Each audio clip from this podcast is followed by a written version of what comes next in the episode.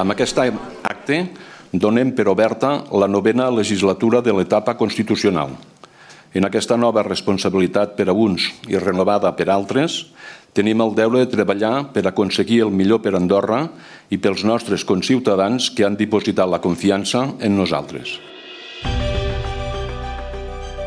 Comença la novena legislatura constitucional amb el conseller de més edat de la parròquia de Canillo presidint la sessió. És que escoltem Jordi Jordana i el conseller de menys edat, Pol Bartolomé, com a secretari. Això forma part de la litúrgia, en aquest cas no religiosa, d'aquesta sessió tradicional. Els consellers a partir d'aquí voten síndic i subsíndic. Ho fan també amb un procediment especial – un a un van fins al despatx del síndic on en solitari posen la papereta dins el sobre i un cop a la sala de plens la dipositen a l'urna. Abans de començar eh, les votacions es mostrarà que l'urna està buida. senyor, senyor Nunci, si es plau, vulgui mostrar l'urna.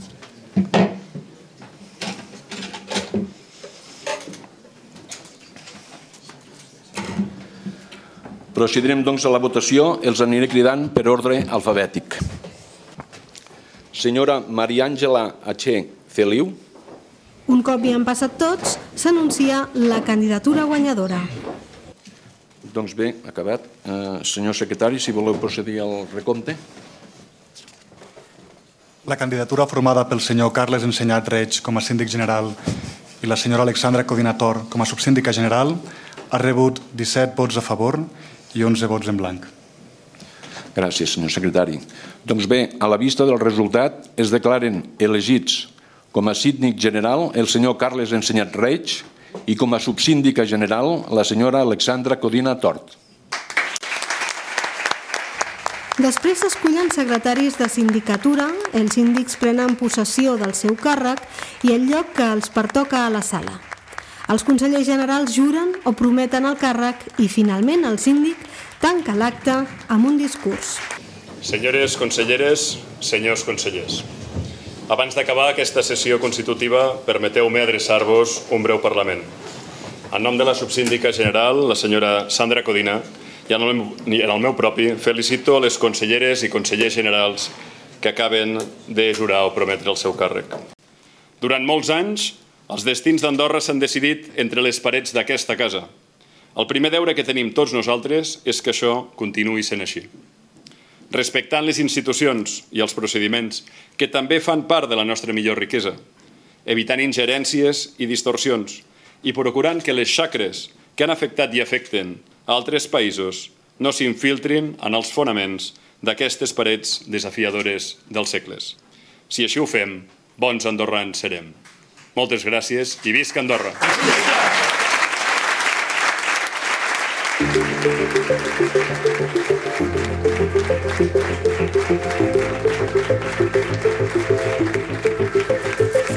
Així va transcórrer fa una setmana la sessió constitutiva del Consell General. Tots els consellers electes prenen possessió del càrrec, tot i que alguns el deixaran ben aviat per ser cap de govern i ministres. Entre aquests 28 n'hi havia uns quants, 13, que trepitjaven per primera vegada a Casa de la Vall com a consellers. Uns amb més experiència que altres assumien el càrrec i prenien consciència de la responsabilitat que comporta. Alguns d'ells són els protagonistes del podcast d'aquesta setmana. Hola, sóc Esther Pons i això és l'Altaveu a fons. Avui ens demanem com és aterrar per primer cop al Consell General. Al principi molt nerviós, no? amb ganes de, de començar i després pues, ara ja tranquil i amb ganes de, de començar l'activitat del dia a dia. Se m'ha fet llarg de les eleccions cap aquí. Sí, la veritat és que quan t'hi asseus allà, clar, no és el mateix quan fas la visita a Casa de la Vall, doncs més a nivell ciutadà o turístic, no? podríem dir, que quan hi ets, eh, que formes part no, de la història agafant aquesta, aquesta posició com a conseller general. La veritat és que és molt emocionant també remarcar el moment de sortir a, a, deposi, a dipositar el vot al sobre, doncs que et trobes allà sol a la sala de síndics de Casa de la Vall i no, la veritat és que moments molt emocionants. Doncs és molt emocionant i a més a més és una sessió sense massa càrrega política, és una sessió de germanó. portem les nostres capes i els tricornis que ens igualen, és igual l'avillament que hi ha a sota um, i és, és, vaja, és molt emocionant.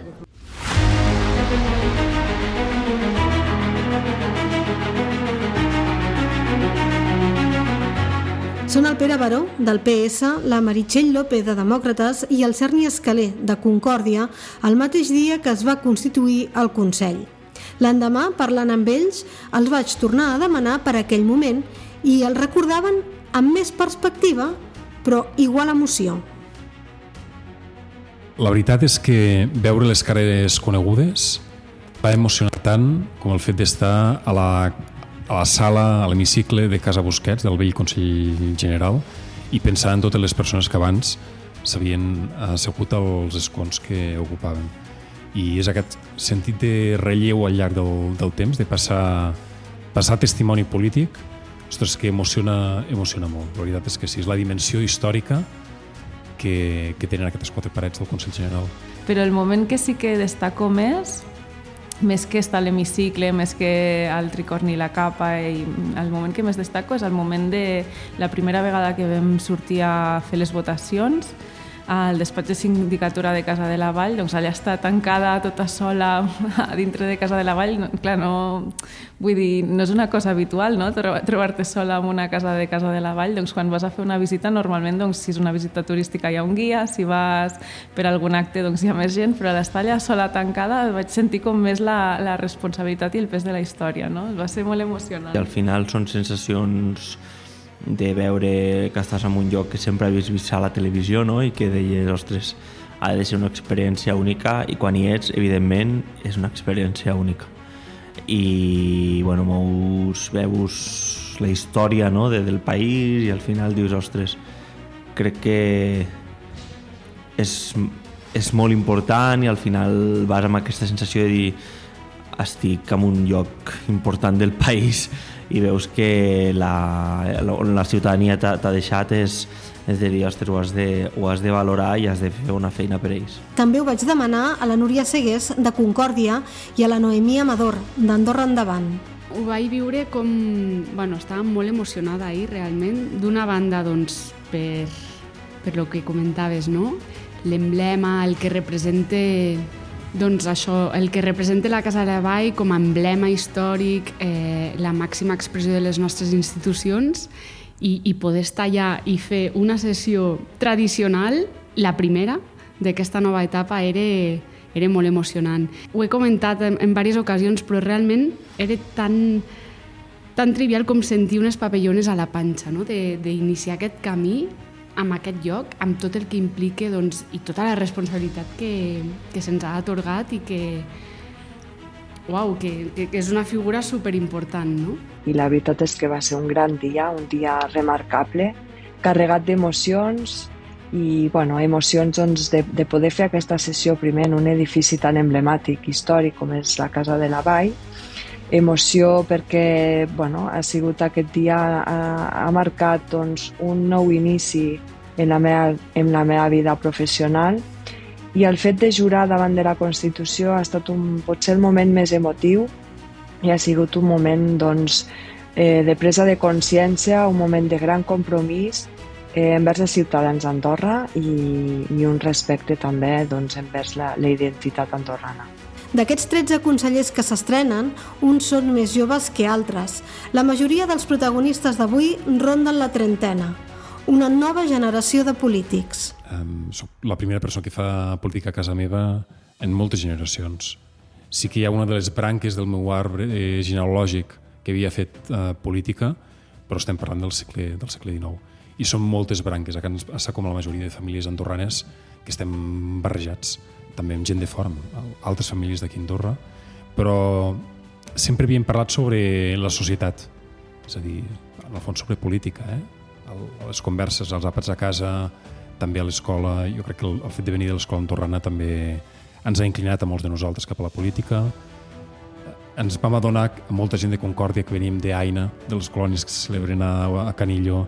Jo penso que aquestes són coses que, que ens apropen a la política andorrana però així com hi ha altres consellers que tenien pares i avis eh, polítics, de fet diria que, que la majoria, la majoria de consellers generals d'aquesta legislatura tenen almenys un avi que ha estat al Consell, al Consell General i no, no ha estat el cas ni per mi ni per la Núria. Bé, aquí hi ha dues qüestions. D'una banda, el meu pare doncs, sempre ha militat en un partit polític i sempre hi ha hagut una mica de tradició política a casa, tot i que és veritat que sempre ha respectat molt que en el nostre moment doncs, potser no tinguéssim doncs, tanta simpatia per la política, però sí que hi havia un tarannà de fons. No?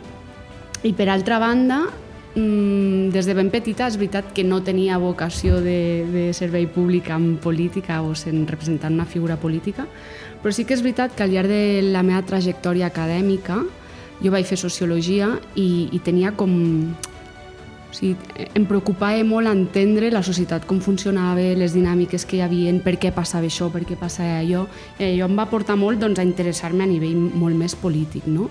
Després vaig fer un màster en política pública i, i, clar, i, i vaig veure realment la necessitat d'aquesta de, sociologia d'entendre doncs, la complexitat de la societat per poder incidir en l'agenda política i pública. No? I, i quan ja vaig entrar a, a la meva feina com a investigadora vaig veure realment que, que podia doncs, eh, articular totes aquestes formacions acadèmiques i tots aquests coneixements i de poder-ho implementar a nivell doncs, més, més polític. No?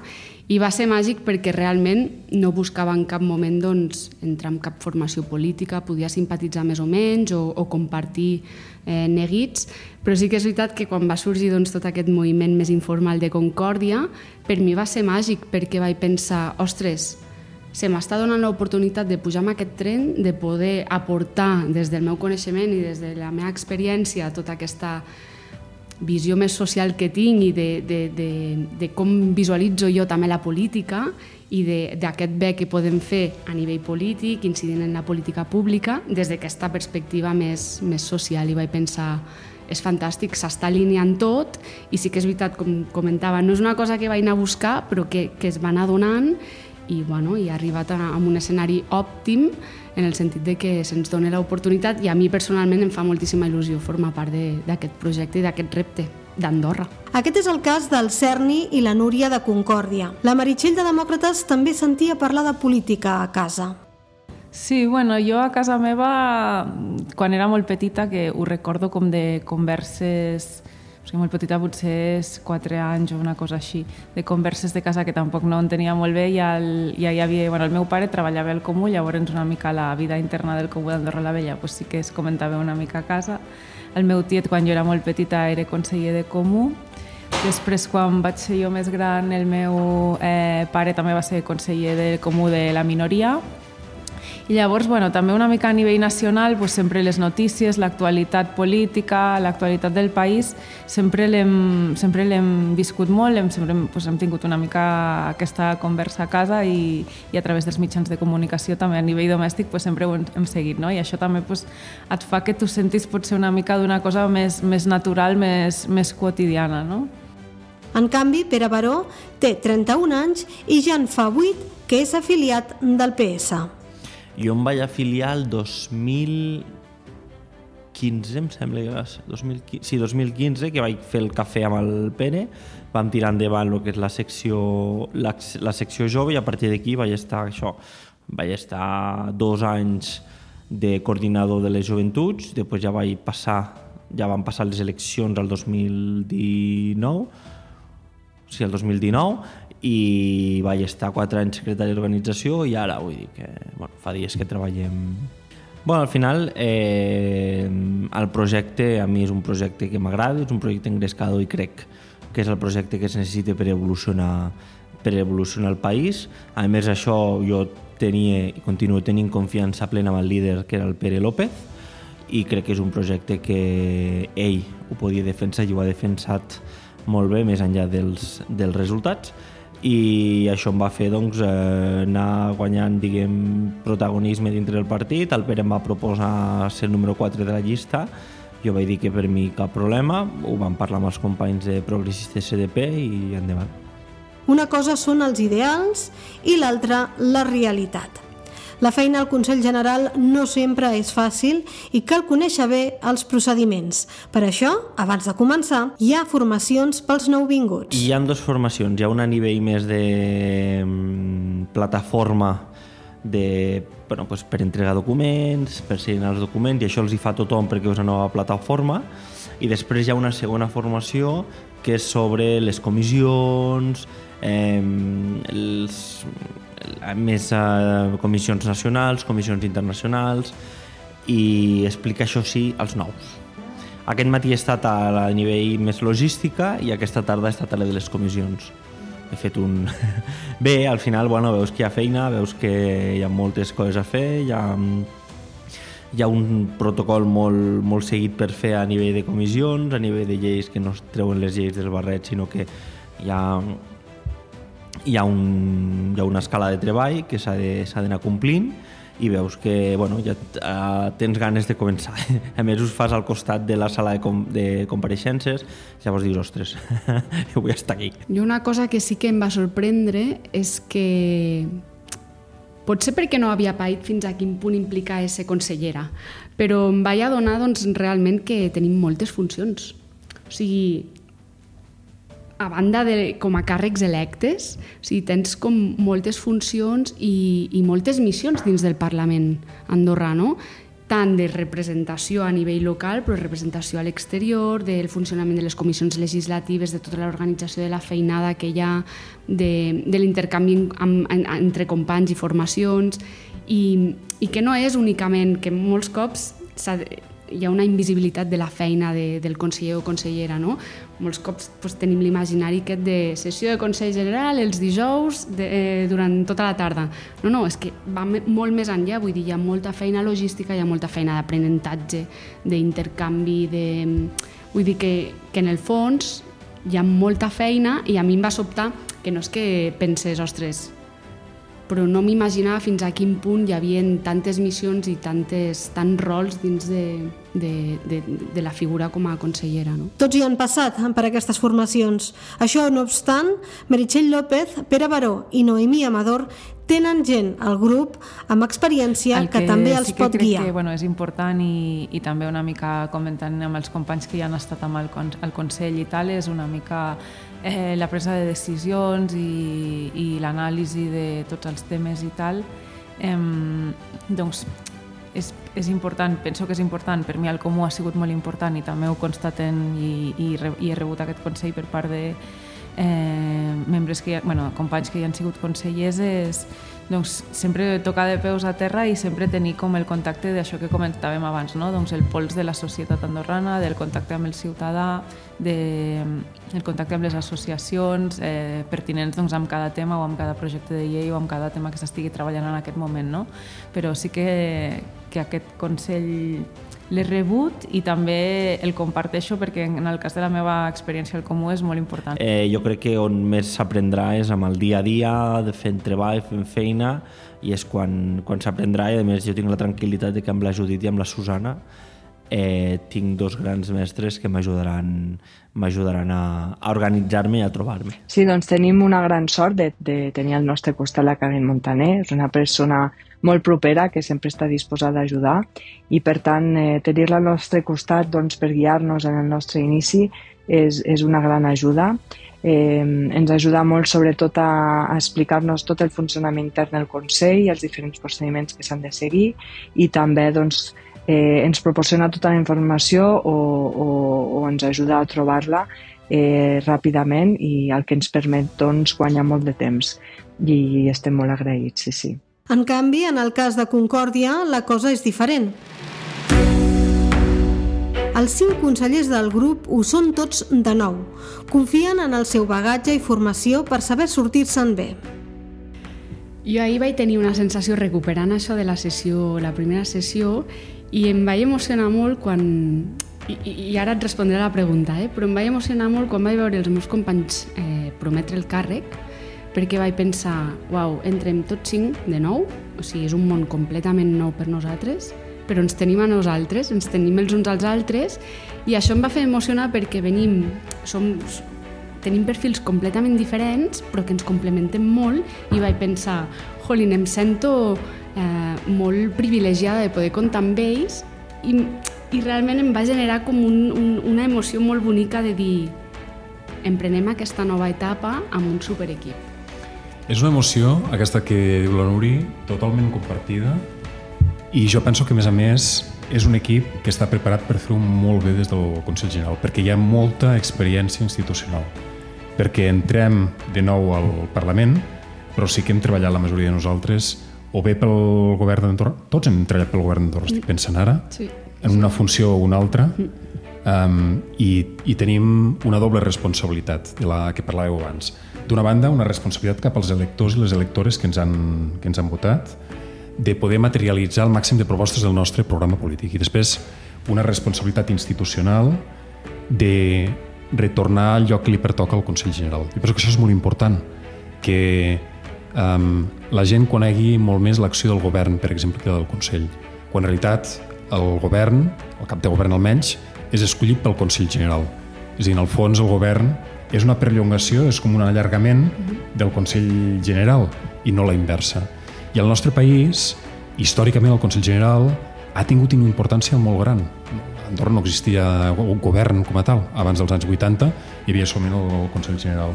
Jo penso que, que no solament el grup de Concòrdia, sinó totes les persones que som conselleres i consellers tenim aquest deure, jo penso, cap a la pròpia institució de posar-la en, en valor. I una manera de fer-ho és trepitjant molt el carrer, obrint les portes del Consell, sent molt transparents al dia a dia de l'acció del grup.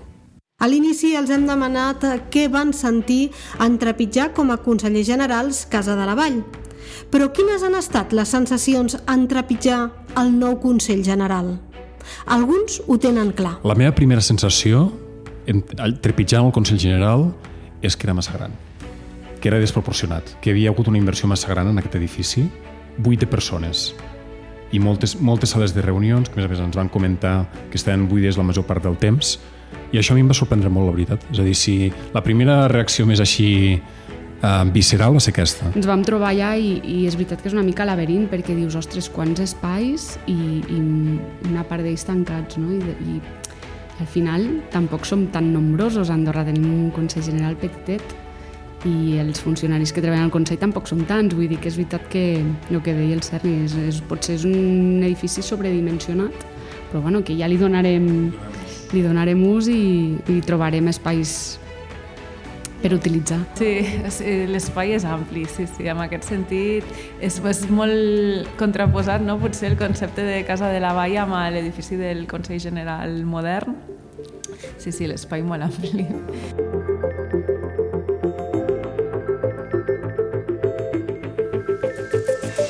La feina de debò comença aquesta setmana.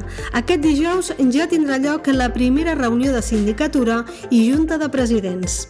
S'ha de constituir els grups parlamentaris i repartir-se els espais que ocuparan cada un d'ells al Consell General. La pròxima setmana s'haurà d'investir cap de govern i quan el govern ja estigui configurat, caldrà reemplaçar els consellers generals que hauran fet el salt a l'executiu.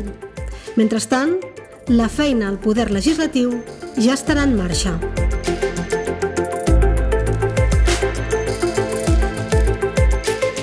Això ha estat l'Altaveu a fons. Aquest episodi l'ha realitzat qui us parla, Esther Pons. Espero que us hagi agradat. La pròxima setmana tornem amb més històries.